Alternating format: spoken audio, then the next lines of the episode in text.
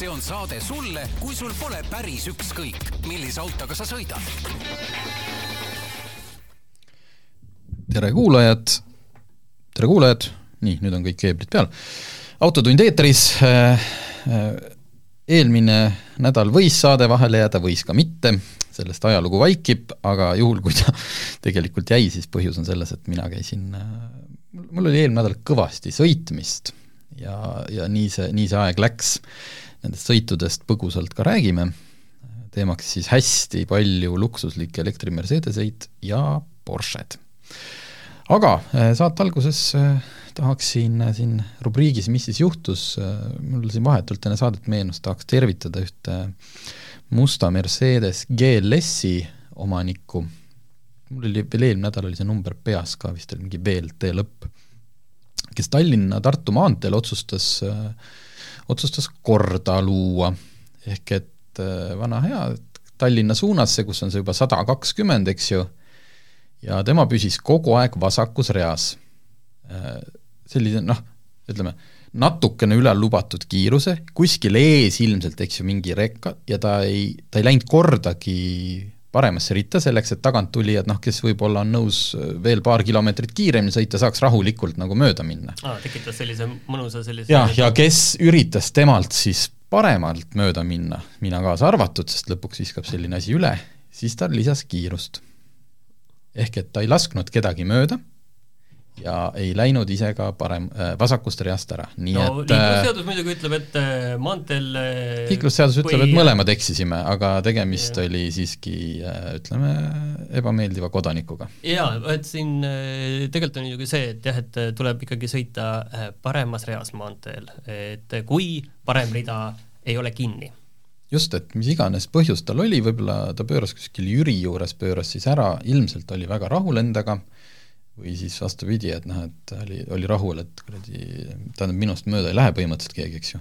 aga igal juhul tervitan, et hästi, hästi tehtud, Tallinn-Tartu maanteel oli sellel päeval väga turvaline liigelda. Äh, mina räägin natuke sellest Tallinna liiklusest, et minuga on nagu naljakas lugu, et tegelikult äh, ma sõidan Tallinnas rohkem suvel autoga kui talvel, kuigi ma käin siin või muul ajal, sellepärast et suvel on lihtsalt nagu igal pool rohkem käimist ja kui sa tuled tööle, siis võib-olla sa ei lähegi pärast seda koju, vaid sõidad hoopis kuskile mujale edasi ja, ja rohkem on sellist äh, ringi sõitmist. seega ma satun äh, suvel rohkem Tallinnasse. ja äh, see liiklus on muidugi mis siin kõigi nende remontidega on, on, on muidugi meeltülendav. tulin mu- muidugi mööda Reidi teed ja võiks ju arvata, et noh, mis seal Reidi teel nagu ikka on, aga, aga siis kogu selle Ahtri geto oli jälle üles kaevatud ja tegelikult ei olnudki nii palju üles kaevatud, aga kõik oli jälle ühe selle suuna peale oli kogu liiklus jälle veetud.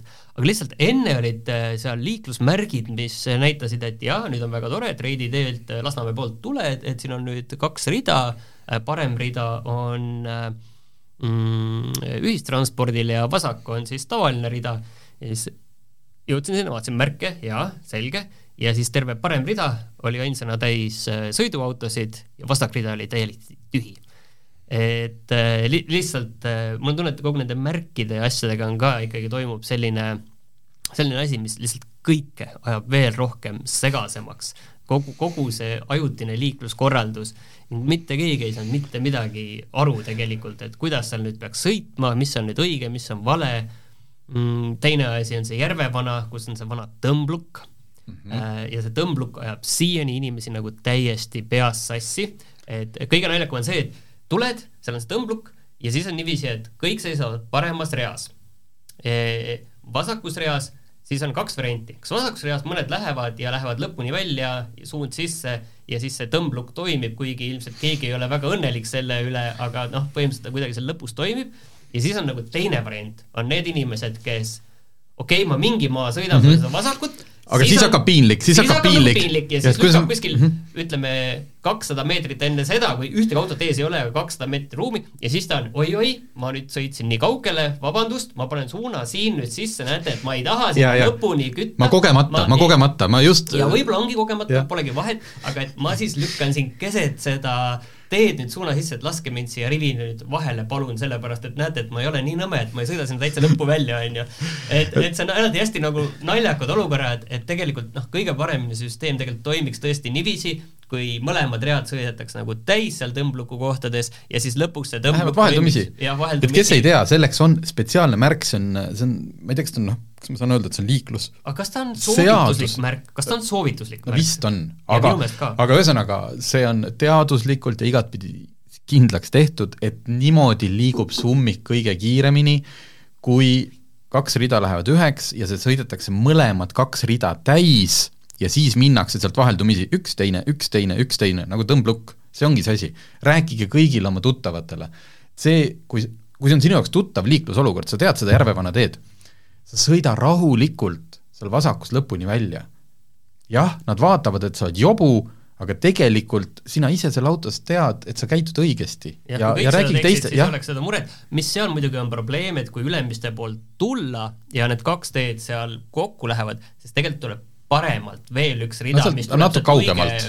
ja aga ta tuleb eestpoolt natuke. mitte väga tegelikult. ja siis oli ka muidugi see variant, et need, kes on seal paremas reas, kui sa ei taha nagu väga nõme olla, siis sa lähed, teed niiviisi, et sa siis eh, ei lähe sealt vasakust reast nagu need, keda kõik vaatavad, vaid sa lähed paremast reast ja sa lähed selle lootuse peale, et kas sa paned sealt paremast reast tuimalt üle ristmiku mm. või sa keerad korra sinna luigele sisse ja tuled tagasi sealt äh, luige pealt, sest siis sa tuled selle õnnetu näoga luige pealt äh, ja ja ole, et oih, vabandust, näete, et ma tulin siit luige pealt, et ma nüüd sooviksin teile siia vahele tulla, et noh, näete ise, teil on siin kilomeetri järjekorda, et ikka lasete ju vahele, sest ma ei ole ju nõme, ma lihtsalt tulen siit ja ma olen siin natuke nagu hädas. et, et see on kogu see tegelikult ma ei olnud seal kaua, ma olin võib-olla viisteist minutit võib-olla seal, aga see olukord oli tegelikult igatpidi nagu, ei olnudki nagu frustreeriv, vaid oli lihtsalt nagu naljakas, et sa näed, igal pool asju juhtub, kõik natukene teevad midagi valesti, kõik on nagu närvis ja tegelikult on nagu põhimõtteliselt enam-vähem see lahendus on olemas, aga seda noh, väga vähe kasutatakse sellepärast, et ongi, et kõik vaatavad vastikult, et kes see vastik on, kes selle vasaku lõpuni välja sõidavad. Mulle meeldib äh, selle juures, kuidas tuli ka kolleeg Margus Pipar üks päev tööle äh, täitsa, täitsa ahastuses, et ta tuli siit Kristiine algusest äh, Kalamajja nelikümmend minutit ja noh, täitsa kohutav see kõik on, ja siis tulid sina ja rääkisid, kuidas sa istusid seal Reidi teel. Ja kui ma teilt mõlemalt küsisin, et äh, aga me ju kirjutasime Autogeeniuses, et äh, kasutage Waze'i, kas teist kumbki kasutas, siis aa ei hakanud, see, mis, no siin ikka ma ju tean, kust minna, nii et äh, me oleme ise targemad kui Waze. aga ma tahtsin ühte asja veel öelda, et ähm, sai, sain siin muidugi see asi ka, et äh, lamellidega sõitsin veel natuke aega ja nüüd vahetasin ära küll, aga ikka sai kohe tunda, et kui siin vahepeal oli, tuli natuke vihma ja, ja tee oli nagu korraks märgid, ei olnudki nagu väga hull, juba tundsid, kus äh, tagant noh, ega midagi ära ja veel ei kao, on ju, aga tunned, et siin on ikka see lamell ikka ei ole õige asi, mille, millega selle vihmaga sõita, et said, said aru, et jaa, et see ära vahetada ja mitte iga hinna eest lõpuni sõita on ikkagi, on ikkagi õige mõte. vot nii, äh, selline oli siis meie saate algus, kus me vajutame ühiskonna valupunktidele. Äh, vajutame siis edasi, räägime GPS-põhisest automaksust. kas on, noh mina, ma tegelikult ei usu, et see reaalselt teema on, see oli lihtsalt üks inimene, kes oli vist Tea Danilov, äh, käis välja, et no, arenguseire keskuses. Arengus... tegelikult, ja see ei ole nagu värske asi, nad on seda, minu meelest see oli nagu aastaid tagasi, kui see pakuti ühe variandina välja. Et noh, et, et kuidas siis teha kindlaks, kui palju keegi sõidab ja kui palju peaks maksu maksma ja siis äh, noh, käidi variandina välja, et aga, aga paneks äkki siis GPS-seadmed ja mõõdame täpselt ära, kui palju keegi sõidab, et nii saab nagu kõige ausama asi, maksustamise. asi ei ole isegi selles, et kui palju keegi sõidab, vaid ikkagi rohkem see, et kus, kus, kus., ah, et siin on jah. see mure, et äh, inimesed maal on ju, sotsiaaldemokraatide valijad ja et äh, noh, mitte ainult kõik, maal elavad seal, vaid sotsiaaldemokraatidel on see mure, et siis on ju, et madalama sissetulekuga inimesi see automaks ei lööks, siis need madalama sissetulekuga inimesed võiks endale saja euro eest osta ühe GPS-seadme, ütleme, et noh, see GPS ei tähendaks seda, vähemalt nii nagu mina aru saan, et see oleks kõigile kohustuslik, vaid kui sul seda ei ole, siis sul on flat selline kõrgem maks mm -hmm. ja kui sa võtad selle GPS-i, teed kohe korra selle saja eurose Äh, makse, selle kulutuse selle peale ja sa sõidad sellega, näitad, et sõidad maal või siis noh, igasugu süsteeme võib veel teha, et sa siis äh, saab linnas mõõta, et kas sa käid äh, kaheksa ja üheksa vahel ummistamas seda kesklinna, on ju, et kindlasti saaks väga huvitavaid asju sellega teha ja siis saaks natukene väiksemat maksu küsida, on ju, kuidas see nüüd muidugi selle valitsuse saja kahekümne või äh, nagu mõnest dokumendist on välja tulnud saja neljakümne miljoni juurde, selle asjaga nagu haakub, et selle kohta ei ole aimugi, on ju, see tähendaks seda lihtsalt, et keegi maksab vähem, siis on kuskil keegi, kes peab rohkem maksma, et see summa kokku tuleks. aga no minu meelest see asi on ikkagi nagu äh, noh, põhimõtteliselt jama ikkagi ja. see GPS-iga jälgimine, et see nagu ei ole nagu mõistlik. me võime öelda teiselt poolt, jaa, meil telefonis on GPS, Google teab, kus kohas ma käisin, Facebook teab, kus kohas ma käisin, su autol on endal see navi peal ja, ja GPS peal ja, ja siis näiteks sul Audi teab, kus sa käisid ja nii edasi. aga noh, siin on nagu põhimõtteline piir, kas riik peaks sellist asja teadma, et siin on see põhimõte, et me anname enda andmed äh, Facebookile, Audile, äh, BMW-le, äh, sellele Google'ile, me anname vabatahtlikult -hmm. ära ja riik peaks nagu põhimõtteliselt ikkagi nii vähe, kui on võimalik inimeste privaatsusesse igatpidi sekkuma, nii vähe, kui on võimalik. Ja ilmselgelt see ei ole selline asi, mis nagu kaaluks seda üle, et jah, me peame panema GPS-id peale, sest äh, see on ju kõigile meil nii väga kasulik ja hea. Ma arvan ka, et ma, ma ise ei, kindlasti ei arva, et Eesti Arenguseire Keskuse teada nii noh, on kuidagi kaasa läinud sellise, ütleme, poliitilise mänguga, et nüüd me ütleme, et teeme GPS ja siis pärast on justkui nagu valitsus on hea, et huh, vähemalt nad ei teinud seda GPS-i asja, et keegi peab nagu välja ütlema selle. et kui see oleks nagu mingi meelega tehtud spinn, siis ilmselt oleks tõenäoliselt keegi kuskilt Riigikogust tanki visatud, kes räägib tükk aega GPS maksust ja siis ja siis ütleb, et okei okay,, ärme tee aga noh, jah, ei selle, selle loogikast võib ju aru saada, aga mul on siiski äh, jättes selle kõrvale, et noh, et kas, kas jälitama peaks või mitte, ma arvan lihtsalt see kulu ja see haldus, et see on nagu, kujuta ette, et noh, see GPS, et olgu, nii. No,, ostetakse ei pea olema reaalajas, korra, korra kuus absoluutselt, ei, ütleme, ostame hankega Hiinast, riik ostab, okei okay,, Hiinast ei tohi, kuskilt mujalt, läbi Hiina, äh, mingi äh, viissada tuhat GPS-seadet, nii, hakkab nüüd rahvale jagama, siis otsustame, et riik võtab selle löögi enda peale, hulgi ostab, eks ju, mina ei tea, võib-olla kümme eurot tükk saab kätte, kes need külge paneb? Kuhu need andmed jooksevad, mis siis saab, kui see ei tööta? auto maha, siis pead veel nii, kas ma kruvin ise ära, kas ma viin ei, selle ei kruvi ära, ma ei tea, pead kuskil mingit lepingu ümber tegema just, või, just, või no. käib see läbi Maanteeameti või? küll on hea, kui on palju bürokraatiat ja asju saaks veel juurde, on ju. et lihtsalt, lihtsalt selle nagu elluviimine oleks sellisel juhul mingi tohutu, no Eesti, Eesti GPS-agentuur tuleks liikluskindlustusele, ma ei tea, mingi viis eurot kuus juurde ja las see tiksub seal nagu kõrval mm. nagu, et okei okay,, see viis eurot läheb sinna automaksuks ja, ja, ja oleks see asi nagu kaelast ära, et ja ma kohe tean, mis edasi tuleb. No.. hakatakse pakkuma teenust äh, GPS-seadmete häälestamine, ehk siis vaata, nagu praegult on see odomeetri korrigeerimine, mille legaalne põhjendus on see, et ei, aga sa vahetasid seda odomeetri plokki, et saad õigeks muuta seda. saab ka valeks, aga seda sa ei saa reklaamida, siis saab kindlasti, et äh, siis äh, vaatab, siis noh, teeme selle kill switch'i kuskile sinna, kui siis sõidad kaks tuhat kilti ära ja siis lülitad jälle sisse ja ei, ei, ei, see, see, see on tõesti, et vot see asi peab nagu kogu aeg olema, olema sisse lülitatud sisuliselt, on ju, et ja, ja kust ma tean, et on sisse lülitatud, pärast ma lähengi niimoodi, olen aus inimene, lähen maksu maksma, siis öeldakse, kuule, vabandust, eelmine aasta sõitsite kümme tuhat, see aasta oled sõitnud neli tuhat seitsesada. mis tegid? lülitasite välja või? Äkki see on saba andnud, eks ju, või patakas saab tühjaks, patakas saab tühjaks, eks ju. see tõmmatakse aku pealt, on ju, et, et seda see, see on lihtsalt jah, see on ühesõnaga, see, see auk nagu läheb nii sügavaks, ma saan aru, et jah, et see tõesti mõnes mõttes oleks võimalus selle probleemi lahendamiseks, aga noh, küsimus on see, et kust see probleem ikkagi tuleb, me ise mõtleme seda, noh, valitsus ise on mõelnud selle probleemi välja ja siis on selle probleemi aina suuremaks mõelnud ja siis me pakume, oi, nüüd on sellele probleemile selline lahendus, et see on hästi selline koomiline, et siin ütleme, mina ikkagi soovitaks, et siin ikkagi tasuks mõelda, et kas äh, riik peab üleval pidama nii palju erinevaid mõttekodasid ka. võib-olla võib on ka siin võimalus kokku Õnneks hoida. ei pea, sellepärast et nüüd on ju kokku kutsutud Eesti Autoomanike Liit, keda me loodame siin lähiajal ka saatesse kutsuda, et aru saada, et äh, ma ei ütle, et selline liit kuidagi halb on, see lihtsalt tuli nii äkki, mul on lihtsalt äh, esimese hooga tekib see, et noh, see ei ole nagu ju, ma ei tea, Eesti torihobuste ühing või noh, kus on nagu mingi väga kitsas grupp, kellel on kõik suhteliselt ühised nii-öelda, ma ei tea, eesmärgid või asjad. aga siin on ühine nimetaja See- olemas, au- aga ühisest nimetajast on olulisem ühine vaenlane. seda küll, aga kujutad ette, kuidas nagu, kui hakatakse, okei okay,, praegult noh, automaks davai, et võib-olla see ühendab, et noh, et keegi ei taha ju auto, kuigi see ei ole nagu isegi autoomanikuga seotud.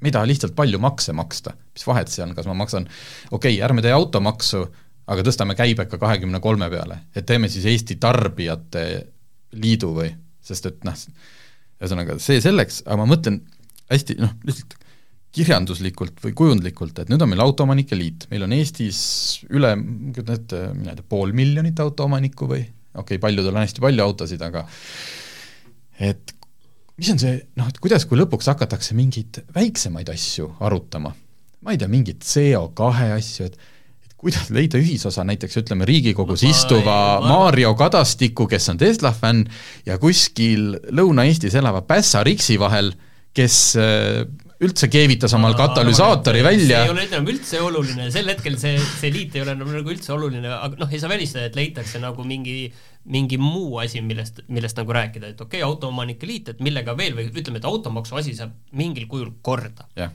millega võiks tegeleda tegelikult, on ju äh, autoomanikke kõiki võiks huvitada heas korras teed. Mm. -hmm. tegelikult saaks nagu seda äh, pasunat äh, taguda. Ega aga siin, kas on, kas on mingi pasun? Mis, on trummi taotakse jaa, ei okei.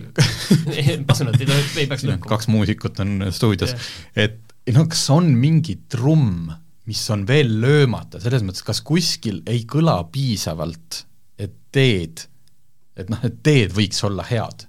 et kas selleks on vaja veel ühte liitu, okei okay,, me nüüd arutame sinuga omavahel äh,, küll, küllap siis esitame need küsimused siis liidule, kui nad siin on, et äh, ma lihtsalt ei saa aru, et mis seal nii väga nagu nüüd noh, liiduna siis, mis me siis teeme, et nüüd on meil veel üks organisatsioon, kes siis ütleb, et teeme teed korda ja ma ei tea, autod odavamaks või?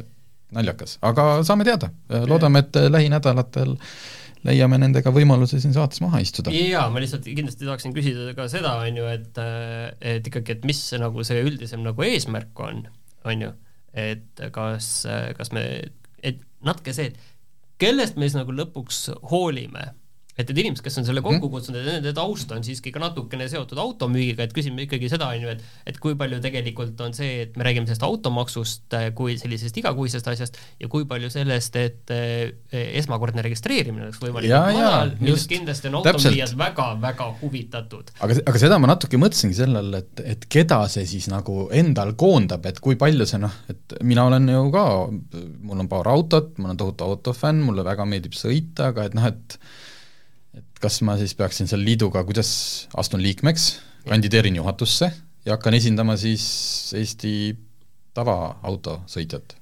vot jah, et see on kindlasti, siin on, siin on olulisi küsimusi.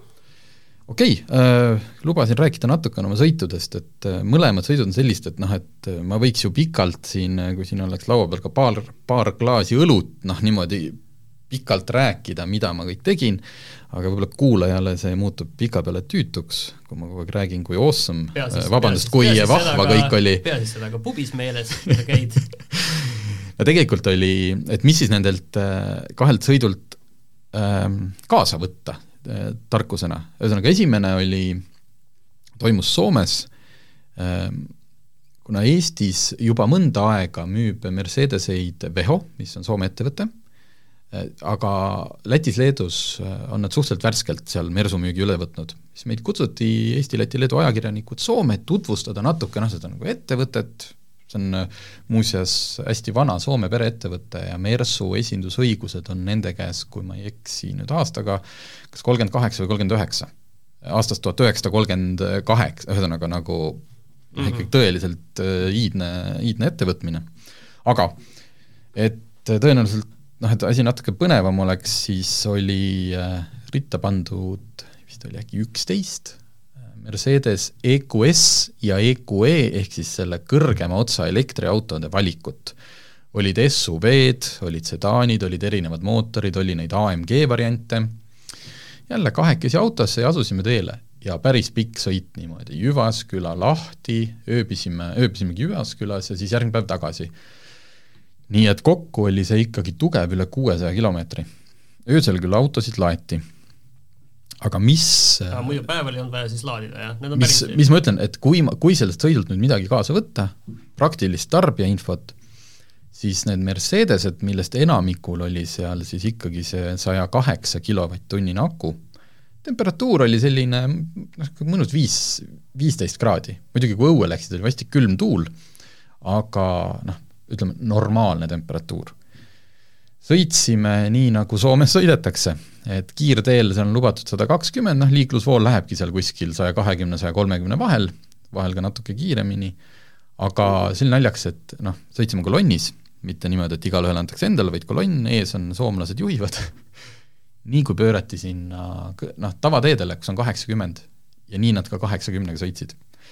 ja mitte isegi kaheksakümnega vaid ma olin vahepeal noh, seal kolonni teises autos, eks ju, kolonni lõpus tihti ikkagi kiirus äh, langeb, eks ju, eriti madalale no,, nagu Tallinn mingi kumm tekib, kumm tekib, aga ka teise autona oli see, et isegi kui nad sinna kõrvalteele pöörasid, esiteks nad ei kiirendanud, noh nii nagu ütleme, et elektriauto võimaldab, ja teiseks äh, kohati vaatasid, et see püsikiirushoidja, no seitsekümmend kaheksa, seitsekümmend seitse, selline hästi tühi tee, et seal ei olnud niimoodi, et noh, tee ääred on koolilapsi täis ratastega, vaid täiesti tühjad metsavahelised kurviteed, niisugune seitsekümmend kaheksa kilti tunnis, okei okay., teeme siis seekord nii, hästi rahulikult soomlaslik selline kulgemine.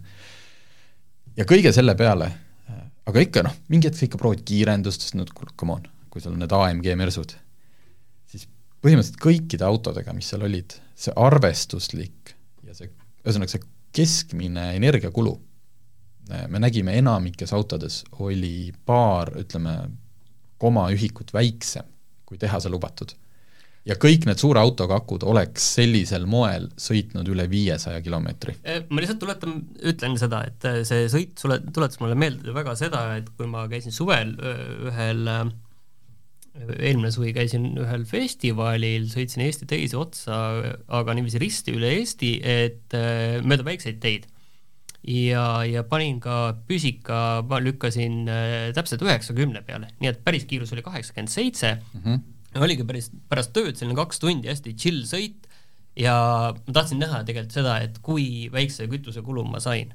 et kui ma muidu tiksun niiviisi noh, ütleme maanteed kõik kokku ikka tuleb kuus koma neli, siis ma sain viis koma üks et niiviisi jah, või niiviisi, siis ma saan aru ka, et miks, kui te niiviisi sõitsite, et see on nagu ka elektriautol väga loogiline tegelikult. jaa, aga selles mõttes see oleks nagu kiirteel sõideti täiesti normaalse kiirusega mm, okay. ja, ja kõrvalteedel, no isegi kui see oleks pannud kiirushoidja kaheksakümne viie peale, ega see ei oleks midagi muutnud. Äh, lihtsalt ma tahtsin selle välja tuua, et see viissada pluss kilomeetrit on küll juba see, et kui siin räägitakse, mille vastu, noh millest me kunagi aru ei saa, et keegi ei jaksagi üle kahe tunni sõita ja tulebki tikupoisis peatust teha, siis noh, ei tule ja jaksab küll, aga vot viissada kilomeetrit, et kui sul ongi nagu hästi pikad sõidud, on, on tõesti see koht, et noh, peale viitesadat võiksid tegelikult ühe noh, ükskõik kui, kui pika laadimispeatuse siis äh, teha. et see oli ikkagi täiesti, täiesti veenev tulemus. aga mis siis äh, nendest, no ütleme siis neli erinevat autot EQE sedaan, EQ, EQE SUV ehk linnamaastur ja siis EQS sedaan ja EQS SUV. ja mina, kes ma olen üldiselt muidu väga kalli maitsega inimene, mulle kuidagi alati meeldib noh, ma ei tea, valid kuskil poes, vaatad, oh, mulle meeldib see riietusese täiesti tavalises poes ja see on ikka see kõige kallim. mina sellest valikust eelistan ja soovitan ka kõigil teistel võtta EQE sedaan Äh, see, mis mootori või kui suure akuga, see on noh, nagu juba enda valik, et kas sul on vaja seda hiigelkiirendust või tahad pigem kaugele sõita, lihtsalt selle, äh, seal autos hinnakirju uurides ma avastasin, et kui sa võtad EQE e sedaani ja EQE SUV, mis nüüd värskelt ka Eestisse jõudis, võtad täpselt sama selle jõuallika, sama aku ja nelikveo, selles mõttes tehnoloogiliselt täpselt sama, siis nende baashinna vahe on neliteist tuhat eurot, on see SUV kallim. EQE sedaanis on tagaistmel meeletult ruumi, pagasnik või pagasiruum siis, ütleme ilusti, on väga, väga suur. et nagu need hetked, et miks sul seda SUV-d kurat siis jälle vaja on, noh, sellepärast, et sul jah, et pagasiruum on siis ülevalt, noh, no okei okay,, saad pesumasina sisse panna. kõik, istud natuke kõrgemal, neliteist tuhat on see lihtsalt selle nagu come on, ja see SUV, sedaan on palju ilusam, tõenäoliselt ökonoomsem ja ühesõnaga, EQE sedaan on võitja, muidugi EQS AMG mootoriga või isegi see suure viiesaja kaheksakümnega oli muidugi noh, ikkagi. Ah,, muuseas see oli esimene selline pikem testisõit, kuna see kõik oli rahulik ja need olid luksusautod ja päev oli pikk ja teine päev oli pikk, siis me, minu kaassõit Tõnu Ojalaga ja ma tean, et mitmed teisedki paarilised kasutasid seda varianti, et kui juhte vahetati, siis oli jälle üks selline, ütleme noh, seitsme-kaheksakümne kilomeetrine lõik, läksid tagaistmele magama. Sest kusjuures ma käisin kogu selle kahe päeva jooksul, kaks päeva, üksteist autot, lõpuks läks isegi kordusesse, sai mõnda autot uuesti proovida, ma käisin kolm korda tagaistmel tukkumas iste masseerib, mõnus sihuke no,. jaa, ei, väga, väga hea, väga hea. ja teine, teine sõit oli siis siin äh, üle tüki aja sai jälle Porsche Experience äh, üritus, mida, millega, mida saab igaüks vist ise ka omale osta, Audru, Audrus Porsche ring nimelisel ringrajal. ma saan aru, et see hind on umbes kakssada viiskümmend eurot. jaa, kusjuures see ei ole üldse selline noh, see on nagu, soovitan kõigile, ma ei tea, kas see aasta seal enam kohti on, sihtige järgmist aastat, uurige, aga kui sul on nagu soov sõita Porschega, võib-olla seda osta, tahad enne proovida, siis see on nagu väga hea formaat. põhimõtteliselt viis autot. kolm Porsche üheksa üks ühte ja kaks äh, seitse üks kaheksa siis Cayman Boxsterit, üks nendest GT4, üheksa üks ühed olid seal, kaks tükki olid Carrera S, neli, neli S-id, S-id, ma ei hakka siin neid numbreid ja nimesid, lihtsalt mis ma sellest sõidust kaasa võtan? esiteks, peaks käima tihedamini ringrajal, sellepärast et kui ikkagi need esimesed ringid seal teed, siis sa teed ikka noh, ma, ma tean, et ma ei ole mingi ringrajasõitja, aga ma näen, noh, saad aru, ma tean ise, mis vigu ma teen ja need on suured vead. Need ei ole mitte sellised, et noh, siit kurvist oleks võinud tegelikult kümme senti nagu rohkem sisse sõita, need on ikkagi see, et Tarmo, kurvis ei näpi piduripedaali, noh ei näpi piduripedaali. seda Grand Turismoski ei tea. just, aga see, aga see, et see, et su aju ka sellest aru saaks, et sellel hetkel ükskõik kui kiiresti sinna kurvi lähed, ohutum on see kurv proovida läbida siis selle kiirusega, mitte näppides piduripedaali. ja come on, need kiirused ei olnud suured, sest see on ikkagi turistisõit. ees tempot ju hoiab Rainer Aus, kes tegid seda alguses, noh, tegid Porsche Taycaniga, mingi hetk võeti siis Panamera, kusjuures Rainer Aus ütles, ma istusin tema kõrvale just siis, kui ta oli Panamera võtnud, et seda Taycani natuke laadida, ta ütles, et Taycan on meeletult parem auto ringrajal sõitmiseks kui Panamera GTS. no okei okay. ja siis, kui ma vaatasin, kuidas seda sõitu tegi Rainer Aus, äh, see, kui mina taga tunnen, et ma ei tea, siit, siit kurvist ma elusalt läbi ei tule, siit ma ei tule, Rainer Raus, ühe käega, teises käes on see walkie-talkie, millega ta siis taga juhi, nagu juhiseid niimoodi annab teistele. no siis saad aru, et me ilmselt sõitsime kuskil viiekümne protsendi ressursi peal, aga noh, äge oli ikka.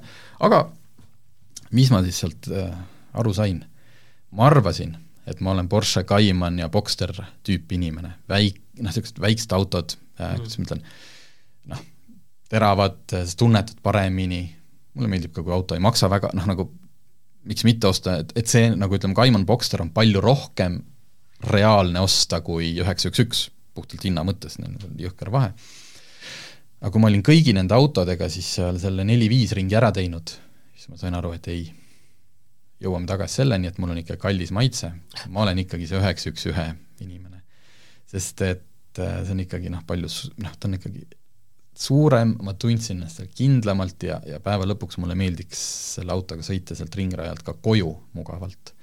et need seitse üks kaheksad on ikkagi noh, nad on ikkagi nende inimeste autod, kes siis lähevadki nendega, peavad, tähendab, peaks minema, nad muidugi ei lähe kuskile rajale nagu müttama, või siis lihtsalt muidugi, kui hinnavahe loeb, et aga ma sain teada jah, et, et tulevikus mina ostan endale ikkagi siis Porsche üheksa üks ühe sest see on minu jaoks parem auto. ma nii kaua vaatasin eh, Panamera müügikuulutusi, aga see selleks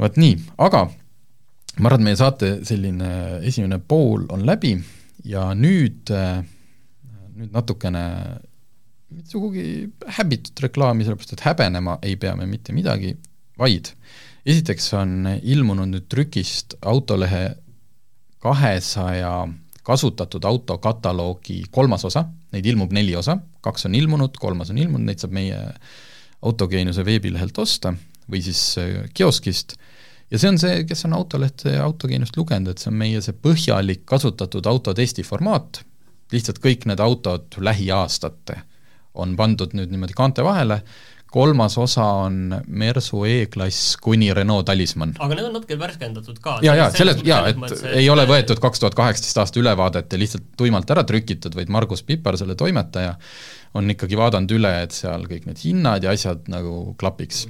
ja võib-olla mõnel autol on selgunud vahepeal veel mõni tüüpviga, mis on sinna siis lisatud.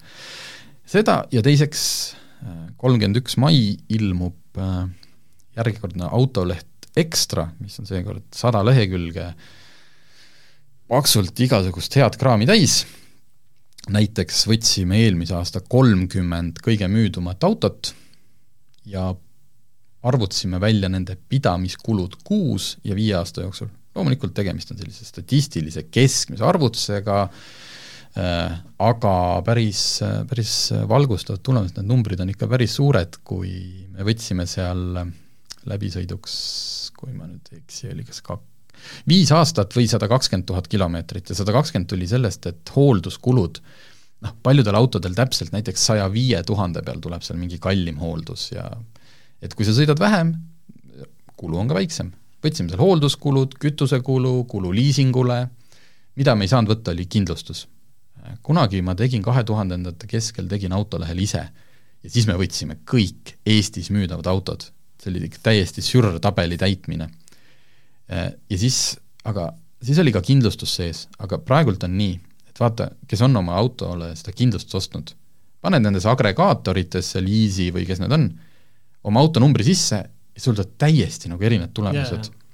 et me ei saanud kasutada noh, ühtegi nagu firmat, et neilt küsida, et ma ei tea, Salva annaks meile nende kolmekümne auto, sest neil võib olla noh, nagu see vastupidi kui teistel. see loogika ei pruugi kõigil jah, nii et kindlustuse peate sinna veel lisaks arvutama. mina ei ole seda tabelit lugenud, aga ma kindlasti väga suure huviga tahan lugeda, ma lihtsalt nägin seda, et äh, ilma erilise üllatusena selles päris ees olid äh, Daciad lihtsalt tänu oma väga odavale soetushinnale, aga mind tegelikult rohkem huvitab see, et mis nüüd pärast seda tuleb, aga eks me seda sealt loeme. just, aga seal on äh, palju, palju muud, seal on üks tore reisikiri Hispaaniast, kus kaks tüüpi läksid Hispaaniasse ühte vana Range Roverit ostma ja sellega siis ka üritasid Eestisse tagasi sõita, siis on seal üks äh, Eesti leiutaja, põhimõtteliselt nagu kõige paremas mõttes selline noh, nagu hull, noh, kes oma garaažis mingeid erilisi sõidukeid kokku paneb, siis on seal, äh, mis seal veel, aa, mis asja, põhiline, sellest me räägime ühes järgmises autotunnis lähemalt.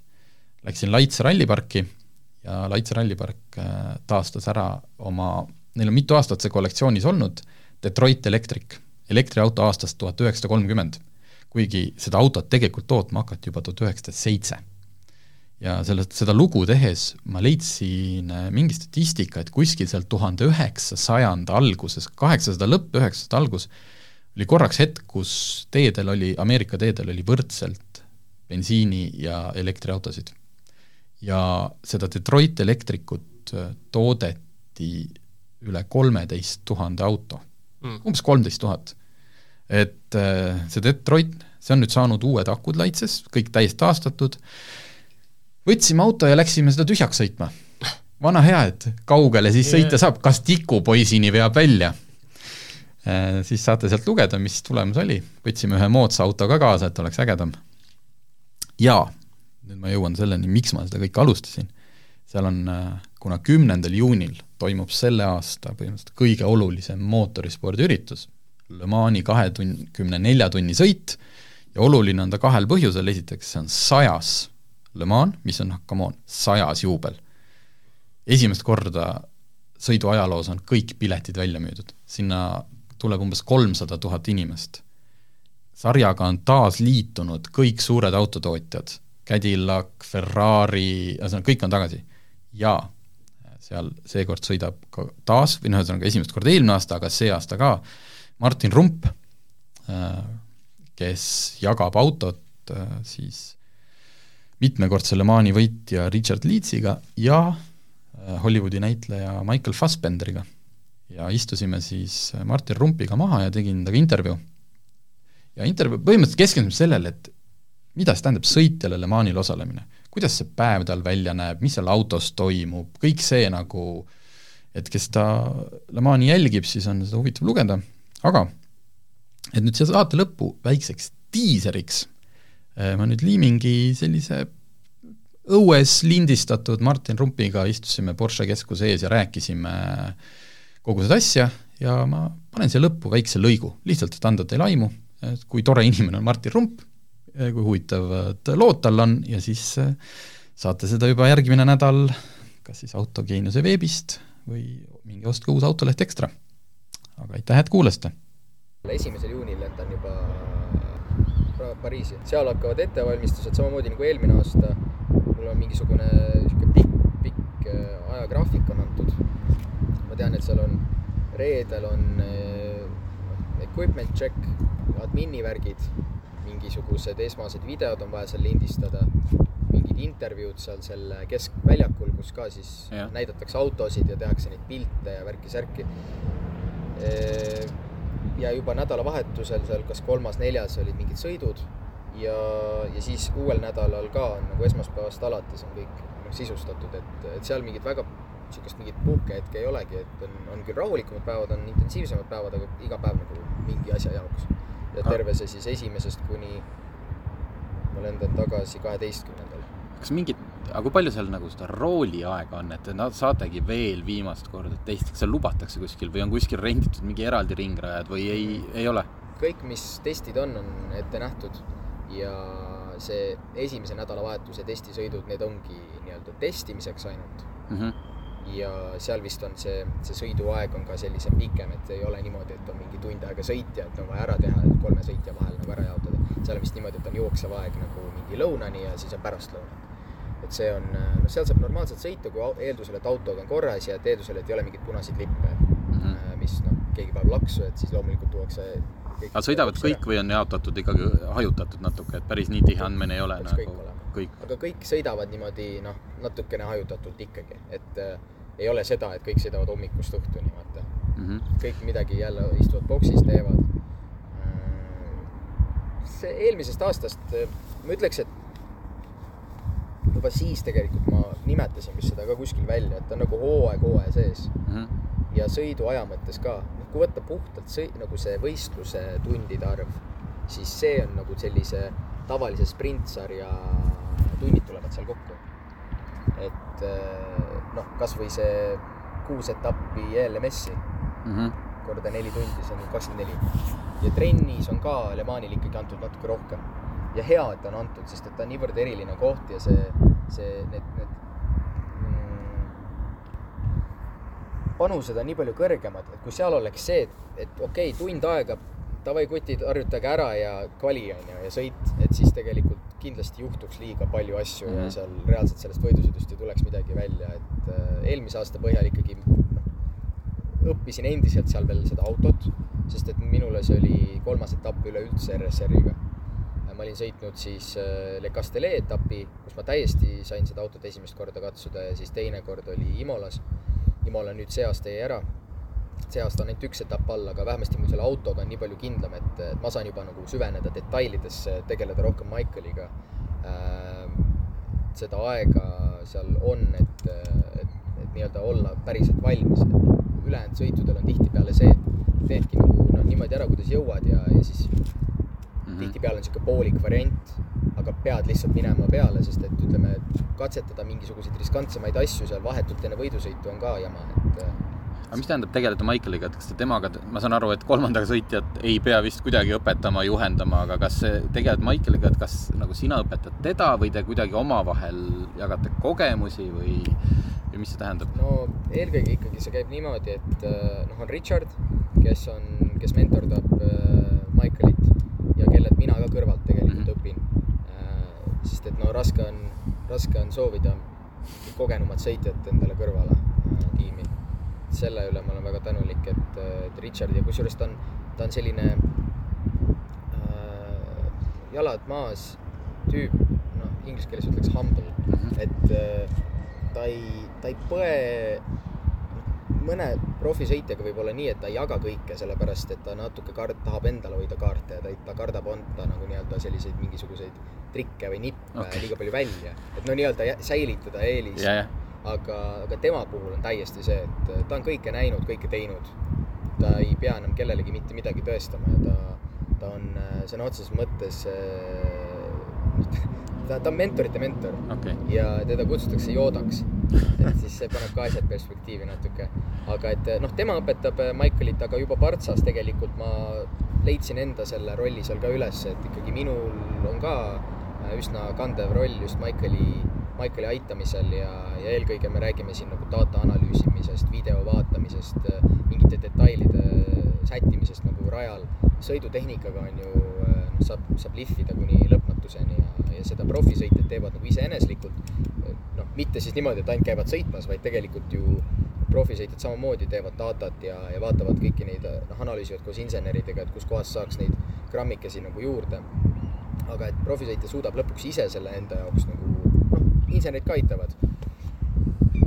sõiduõpetajaid kui selliseid ei ole vaja, aga amatööridel on tarvis jah, et oleks seal see tõlk vahel, et mida see täpselt tähendab. lihtne on vaadata mingit graafikut, järeldada sealt midagi, mis võib-olla ongi tõsi, aga siis aru saada, et mis on siis see, kuna ka kurvid jooksevad järjestikku ja sõidutehnikad on niivõrd omavahel seotud äh, ja, ja põimunud, mis on siis see põhi, põhjus mingisuguseks asjaks. et nii-öelda otse panna nagu näpp sellele peale, et selle jaoks on profisõitjad, kes, kes oleks hea õpetaja seal vahel.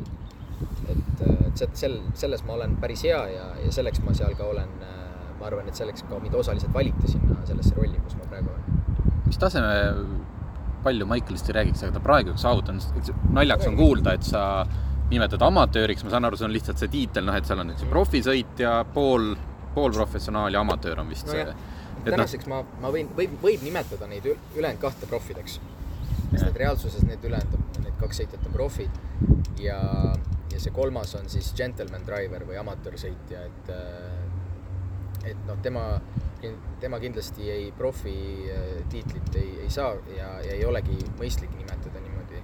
aga tema tase on ikkagi ju, see on nüüd asi jah, kui panna perspektiivi, et see öelda, et amatöör, see kõlab väga roheliselt ja toorelt, aga kui nüüd panna asi perspektiivi, tõsta sinna mingi keskmine noh, ka kogenud autosõitja, kes, kellele meeldib sportautodega sõita ja kes on, ütleme, arvab, et ta on nagu keskmisest kiirem ja, ja, ja tublim mm -hmm. ka ringrajal näiteks, siis äh, nende autodega sõita, see vajab ikkagi aastatepikkust val-, ettevalmistust ja, ja seal need äh, need vahed, mis on siis amatöörsõitjal ja profisõitjal, on märksa väiksemad kui, kui ütleme, sinna panna mingisugune noh, uus inimene, võib-olla keskmine, keskmine, siis seal see, see ei saaks üldse sõidetud võib-olla ringigi. aga et noh, sest et see, need autod on nii robustsed. aga et jah, tihtipeale need amatöörsõitjad ka tegelikult sõidavad peaaegu nagu profid, et ja see ongi ka selle mängu nagu üks osa, et äh, Michael ise ei pea ennast kõige kiiremaks seal nendest ja eks ta, temal ei ole nagu seda kogemust all, mis on osadel amatöörsõitjatel, mis on muide rohkem kui minul. et seal on omakorda ka kõik segane. aga, aga nojah, et, et lihtsalt, et, et see, see mitte nagu halvasti nimetada, aga et meil on näiteks pronkssõit ja sil-, hõbesõitja ja mm, -hmm. ja Mhm. kuld või plaatinum, et noh, see lihtsalt määratleb selle. okei okay., kui palju see aasta seda kogu sõitu mõjutab see, et äh, mitu autot rajal oli vist üle kuu-, kuuskümmend kaks äkki aga see aasta on ju tagasi peaaegu kõik suured tootjad oma prototüüpautodega, mis tähendab, see on ju mingite väiksemate klasside arvelt, eks ju. kuskilt on siis ju vähem autosid. no eelmine aasta lõppes GTE Pro okay., klassina, see tekitas ruumi, sest et sealt tuli kas mingi, mis oli seitse autot või kaheksa, kuus, seitse, kaheksa autot kadus sealt ära. Kui palju see mõjutab seda nüüd kogu sõitu, et noh, et kui palju on, sul on ju rohkem peeglisse ilmub neid väga kiireid autosid, kui oli võib-olla eelmine aasta, et kas on see, tunned, et see võib muuta nagu kogu sõidu olemust, sest et nüüd on neid kiireid seal nii palju? ma sõitsin eelmine aasta juba niimoodi, et viiskümmend, viiskümmend, vaatasin ette, vaatasin peeglisse või noh okay., ütleme siis eelkõige ma vaatasin tegelikult kompuutrit, mis pardal näitab mulle äh, siis äh, no mis ta näitab, infrapunakaameraga mm. -hmm. sisuliselt. ja, ja siis siukse driver aid'iga, et sinna tekivad sellised äh, kastikesed ümber äh, või nooled tähendab see on see, et ta pimedas ei näe või ta näitab ära, et kes Pimedas seal tuleb? ja, ja, ja tähendab, pimedas näitab- ma näen peeglist, näen lihtsalt suurt valguskogu ja siis ma ei saa aru, kui kaugel ta on, aga tegelikult sellest kaamerast on aru saada. okei okay,, kui kaugel, aga nii täpselt ei ole, et ta seal mingit tracker'id ei ole peal, et see on nüüd, et see on nüüd prototüüp, see on nüüd keegi teine. ta mõnevõrra mingisugused, midagi ta seal natuke teeb. et, et minu meelest seal oli mingi color code või asi oli ikkagi peal, mm. -hmm. et nendel noolekestel, mis sinna tekivad. aga selle peale nagu lõpuni ei saa lo- lootma jääda, et äh, pigem jah, vaatad nagu selle järgi, et kuidas see, see nooleke seal suuremaks läheb ja kui kiiresti, et siis sa saad aru nagu, kui, kuivõrd äh, kiire auto tagant tulemas on. eelmine aasta neid hüperautosid oli väga vähe. Eel-, eelkõige oli LMP2-d, mis äh, tegid asja raskeks ja noh, GTE Pro, kellega ma seal kogemata öösel võitlesin, kui ma olin ise esikoha võitluses, just mööda sõitnud esimesest kohast. Ja siis tuli tagant tegelikult GTE Pro auto, ka Porsche, kelle, keda ma siis ütleme siis kaitsesin paar kurvi liig, natuke liiga kaua ja tulid ka äh, tulid ka kohe kommentaarid äh, meie tiimile. aga Aa, okei. no seal õnneks mingit suurt probleemi ei olnud, aga ütleme, ma arvasin, et ma võitlen selle autoga, kelle, kes, kellest ma mööda sõitsin, tegelikult ma sellest Okei. olin juba ees, tuli juba järgmine tagant. Aa, okei. ja noh, need Pro autod olid kiiremad, sest nendel on kiirem BOP, aga kui lihtsalt lühidalt vastata, siis tegelikult mõnevõrra läheb lihtsamaks, sest et hüperautod lähevad ikkagi suure hooga mööda. probleem on just nende autodega, suurem probleem on nende autodega ja siuksed äh, ohtlikud momendid võivad tekkida eelkõige nende autodega, kellega see delta on väiksem. sest et nad ei saa sirge peal nii kiiresti mööda, siis nad hakkavad toppima kurvides rohkem ja, ja kurvides poole kurvi pealt, noh, kui nad just ei sõida väliskurvist nagu mööda, mis on ka tegelikult suht riskantne, sest et ütleme, igal hetkel võib si si- sisekurvis sõitval autol nagu käest ära minna või, või natuke korrigeerida, eks. et siis, siis, siis eelkõige on lihtsam, sest et nad tulevad nagu suures jaos ikkagi sirge peal. noh, kõik kasutavad eh, neid tulede. Vilgutavad. vilgutavad tulesid ja, ja see on nagu normaalne, et ma isegi vist vahepeal jah, kasutan nagu tegelikult suunatulesid, et ka nii-öelda minimeerida riski, et näidata kohe algus ette ära, et eos nagu kui auto tuleb, et siis ta saab aru, et ma nägin, ma näitan suuna ära, tüüp läheb kohe õigesse kohta, et muidu on niimoodi, et nad vaatavad, kustpoolt nad saavad minna ja Mhm. seal võivad ka tekkida mingid momendid. ma arvan, et jah, et eh, tuleb eh, huvitavam ja see, et neid LMP2 autosid seal keskel nii palju ei ole, siis eh, on, tegelikult isegi nagu sellele sõidudünaamikale võib-olla parem, sest ta on rohkem balansis, et nüüd on neid hüperautosid, LMP2 autosid mm Mhm. -hmm. ja GT autosid sihuke enam-vähem nagu noh, jaotatud nagu mõnusasti. Äh, okei okay,, nüüd sa oled siin Le Manis, sa oled need pressiasjad ära teinud ja kui hakkas võistluspäev, et äh, ma saan aru, eks ju, stintid algselt jaotatakse ennem ära, kes alustab, kes on järgmine. aga et ühesõnaga Le Mani hommik, mis kell see start on, see on vist, kas see on keskpäeval? vastuse võlgu, midagi sihukest oli. kas ta umbes kestab, jah, kuskil nii ta lõpeb, et siis seda peab üle kontrollima, mis ta oli see, kas oli, kas oli kümme, üksteist või kaksteist? võib-olla oli kaksteist. eelmise aasta kogemuse all, öösel magada said? ühe tunni. närvi pärast või lihtsalt nii palju oli tegemist või lihtsalt ei? palju oli tegemist ka okay.. tegelikult oli eelmine aasta see, et äh, noh, mul läks isegi hästi äh, Alessio siis te, või noh, teine profisõitja ei saanud üldse magada ja tegelikult ka minu amatöörsõitja eelmisest aastast läks äh, hotelli ööseks. et tema tegelikult pidi magama ja tema ütles, et väidetavalt tema ei saanud ka magada. et ta ei saanud närvist magada tal tegelikult oli planeeritud niimoodi, et ta pimedas ei sõidagi, me sõitsime tegelikult äh, kahekesi siis profisõitjatena kahe peale ära terve öö. ja sellest sõltu-, sellest tulenevalt oli seda magamisaega vähem ja, ja, ja noh, sai puhata, seda aega ikka oli, et pikali olla ja niimoodi, aga, ja noh, massaažis olla ja öösel ma olin ka massaažilaual niimoodi, et tegelikult suhteliselt siukses mingis transiolekus, et ma ei saanud nagu aru, kas ma magan või olen ärkvel, aga noh, tegelikult no ütleme, ma laadisin akusid ikka. mm. -hmm. aga ma sõitsime kolme tunni kaupa öösel ja see aasta, eelmise aasta siis ma tean, et Michael sõitis öösel ka, et see võib-olla tekitab seda magamisvarianti nagu juurde ja tasakaalustab tiimi siis neid puhkepause nii kõigile sõitjatele see, mis kell keegi täpselt sõitma läheb, seda veel teada ei ole, et liiga vara rääkida, aga aga no arvatavasti üks profidest stardib, et äh, teha see esimene selline riski moment mm, -hmm. moment ära ja siis äh, ja siis tõenäoliselt äh, nad väga, keegi tunni aja kaupa sõitma ei hakka, et ütleme, on ikkagi kahekordsed stindid vähemasti ja võib-olla kolmekordsed, eelkõige öösel mm. -hmm. aga kuidas sa öösel oled sõitnud juba tunnikese, sõidad teise, noh, kogu aeg see ring, kaua ta kestab umbes?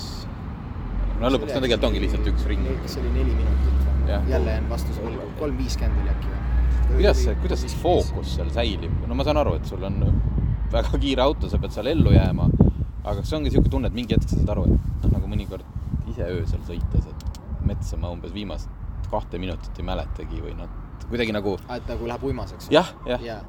äh,. päris raske oli, esimene kolm tundi tegelikult ei olnud, tähendab eelmise aasta põhjal ma sõitsin kõigepealt äh, kas ma sõitsin äkki üheksast üheteistkümneni ei, ma sõitsin kohe, sõitsin kolm tundi esimese laksuga kohe, kaheksast üheteistkümneni.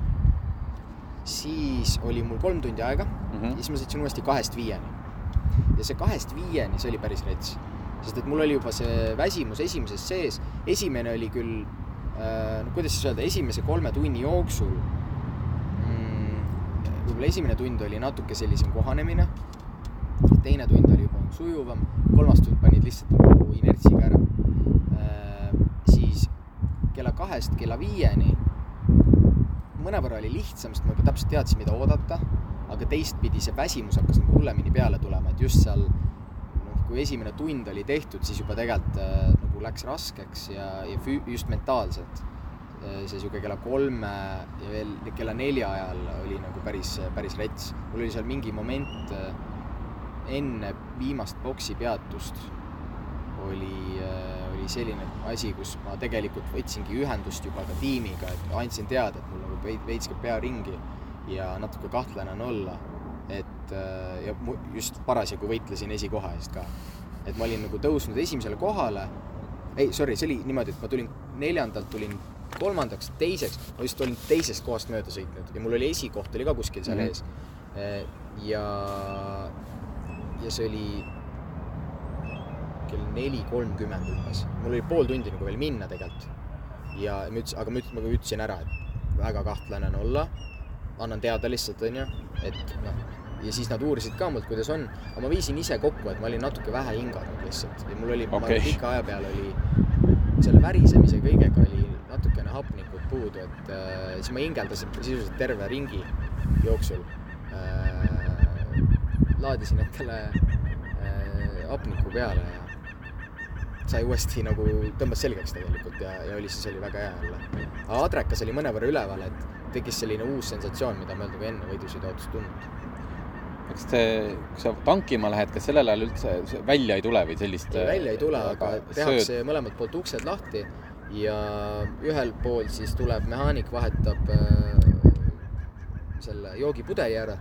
joogipudel on ikkagi täis, seda saab mm -hmm. kasutada, noh, on vesi lihtsalt ja siis äh, paremalt poolt antakse, küsitakse, et kas soovid keeli. Ja, ütled jah, ei, siis äh, antakse see keel ette ja, ja, ja see on niisuguses nagu suures äh, süstlas. Ja selle süstla otsas on selline nagu kummivoolik.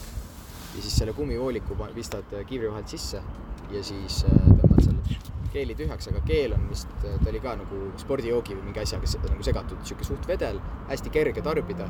ja seal olid siis mingisugused energia siis äh, või noh, turgutid või ütleme mm -hmm. siis mingid, mingid tauriinid ja mingid siuksed asjad. aga no kõik, kõik, kõik mingid, mingid, mingid, mingid okeid, äh, ütleme siis testitud spordikeelid sellise turgutava mõjuga, et mitte lihtsalt süsivesik, aga nagu süsivesik ka aga siis eh, ka natuke midagi eh, lisaks ja seda ma ka siis modereerisin natukene, et eh, kui esimene kolm tundi seal kahest, tähendab üheteistkümne, kaheksast üheteistkümneni ma tarbisin kõik ära, mis mulle ette anti. ja siis selle pausi ajal, mis mul oli, ma ei suutnud magama jääda. mul oli liiga suur sihuke värin sees, aga see oli sellest, sellest samast turgutist mm. -hmm. siis ma teine, kahest viieni ma tegelikult võtsin poole vähem seda aga jah, et see kahest viieni ma juba siis teadsin, et mulle seda keeli nagu nii palju vaja ei ole. katsusin vähem tarbida, et just e-, selle eeldusega, et ma siis üritan pärast magama ka minna. et et, et ma ei ole lihtsalt seal nagu siis kella viie. nii et sul oli kella viis äh, plaanis lõpetada ja sul oli kava, et, et sinule jäi veel, oli vaja sõita kaks? tundi vähemasti okei, okei. ma teadsin seda, et mul on väike, vähe suurem paus ja nüüd on see, et kui ma tõmban kõik need keelid endale sisse, siis ma ei maga. Selles ma olin kindel, sest ma olin just ühe, kaheksast üheteistkümne sõitnud, kõik need keelid ära tarbinud ja siis olnud seal noh, massaaži laual niimoodi, et ütleme, haigutan, haigutan, aga noh, tegelikult und nagu ei tule mm. -hmm. et äh, noh, eks see on ka niisugune huvitav asi, mille peale nagu muidu mingis muus sõidus nagu ei mõtle, aga aga jah, et see aitas, et hoida fookust, selles ma ei kahtlegi, aga teistpidi mina siis ise pidin ka natuke vaatama, et kui palju mul seda vaja on ja kustkohast jookseb see piir, et millal ma magan, millal ma ei maga, sest et kell pärast kella viiest sõitu mul oli teada, et ma vähemasti hommikuni ei pea, ütleme siis noh, hilishommikuni, mingi kümneni mul on aega, seal mm. -hmm. natuke väike, väiksem, suurem paus siis. ja ma seal tahtsin kindlalt magada, et olla siis värskem sõidu lõpuosas. ja peale viite oligi äh, siis noh, mängisin kohe nagu need, tegin need asjad, olulised asjad ära, et mis seal oli siis äh, kiire massaaž, kiire dušš, söök, hommikusöök siis. tegime kiire inteka veel sinna otsa Eestisse siis ja siis äh,, siis läksingi magama ära, et äh, noh, taastusjoogid, kõik asjad ma ka muidugi, aga need on tühi nagu pisiasjad. ja läksin magama, panin äratused ja saingi tund aega. Ja siis, siis, sest et seal on see teema, et ütleme, kui sul on sõiduni näiteks kolm tundi mm, -hmm. see ei tähenda, et sul on kolm tundi aega puhkust, et ütleme, esimesed tund aega kuluvad niikuinii mingiks muuks asjaks ära, siis, siis võib-olla reaalselt tund aega saad puhata ja siis tund aega varem pead tegelikult juba valmis olema. et ütleme siis mingil momendil ei oleks seda, et on aut-, sõitja autos ja järgmist sõitjat ei ole valmis. Mhm. kui seal midagi juhtub, mingi asi, kellelgi on paha olla, siis peab olema järgmine sõitja kohe rotatsioonis valmis ja, ja ütleme ka riides. päris mitte kiiver peas, aga okay., aga no valmis võtma kiivrit. kui tihti sul see eelmise aasta kogemuse pealt oli nagu, nagu oh shit hetki? ma eredalt ei mäleta ühtegi, mis tähendab, et midagi väga hullu ei olnud okay.. suutsin püsida jamast eemal, võitlesin koha eest, see oli ikkagi adrenaliini, adrenaliinirohke. aga noh, minu kontrollitav, kui ma sõidan kellestki teisest mööda, aga mingite nende, no mingi, mingi ütleme siis käputäis hetki oli võib-olla selliseid, et päris nagu äh,, päris püksi ei lasknud, aga, aga võib-olla selline veidi ehmatas küll ära, kus, kus siis keset kurvi mõni LMP, keda ei olnud näha või Hypercar tuli mm. -hmm. nagu, tuli kiire hooga kuskilt kohast mööda, kus, kus sa ei oleks arvanud, et ta tuleb. noh, eelkõige väliskurvist. et kui, kui juba keeradki kurvi, vaatad, et sul on sisemine, noh, seda nagu kogu aeg jälgid, et keegi ei, topiks endale niimoodi seda nina sinna vahele mm. -hmm. kurvi sisenemises, et, et, et, et ei oleks see, see, see T-bonikas nagu et ei jääks sinna välja selles mõttes, aga et kui keegi üllatab väljast või et keset Porsche kurve seal ja ütleme, siis ikkagi vahepeal oli vaja mingi väike korrektuur teha, aga üldiselt oli nagu hästi. ma see aasta nagu üritan samasugust sõitu sõita, et, et sõita loomulikult kiiresti, aga et eelkõige just panna nagu ohutusele see. et enda vigu, et, et avastad liiga kiiresti, läksid kurvi ja siis, siis hakkad seal seda päästma ja seda ei no juhtunud ise ka, ei, ei, ma ei. ma ütlen just tingitud väsimusest, just, et nagu tingitud Jaa. väsimusest ja kõigest, et hakkad vigu tegema, et seda mm,. ei, selliseid momente ei olnud üldse, et nagu mis enda sõidust, et ütleme nüüd, et oih, et ma magasin maha. Jah, jah, pidurdus- jah, jah. ei, selliseid ei olnud üldse. et ma selle, selles mõttes suutsin ikkagi äh, hoida fookust hästi. ja, ja see on ka jälle see aastatepikkune töö, ma arvan, mis on nagu kardisõidust alates ja tegelikult nagu seljahajusse nii vä-, nagu välja aretatud, et, et äh, mul ei olnud sellist tunnet, et ma ei oleks valmis selleks sõiduks, et see on nagu hea märk. tähendab seda, et meie mm, selline rohujuure tasandil, mida me teeme siin Eestis, tegelikult töötab. lihtsalt noh, mm. -hmm. noh jah. aga veel kord, veel kord nendest amatööridest, et ega sinna, et kui tihe see sõel on, ega sinna ju noh, ikkagi mingi rikkur omal, no loomulikult ta peab midagi sõita oskama, aga eeldatakse mingit taset või mingite võistluste läbimist, et sa ei pea seal rajal kohtuma mingi miljardäriga, kes nagu noh, no kõik peavad Vis... kvalifitseeruma sõitu. eelkõige on, enne on see, et kõik peavad üldse kutse saama. see on nagu esimene kadalipp, sest et kes üldse saab sinna kohale, äh, sinna ju rahaga ei saa lihtsalt, et see, selleks peab olema mingi tulemus ette näidata, peab olema piisavalt kõrge taseme litsents äh, rahvusvaheline ja, ja peab ka olema, no ütleme siis niimoodi, et, et, et selleks, et üldse sinna sattuda, on mingisugune redel Mhm. ja seda, see redel on samamoodi nii amatöörsõitjale kui ka profile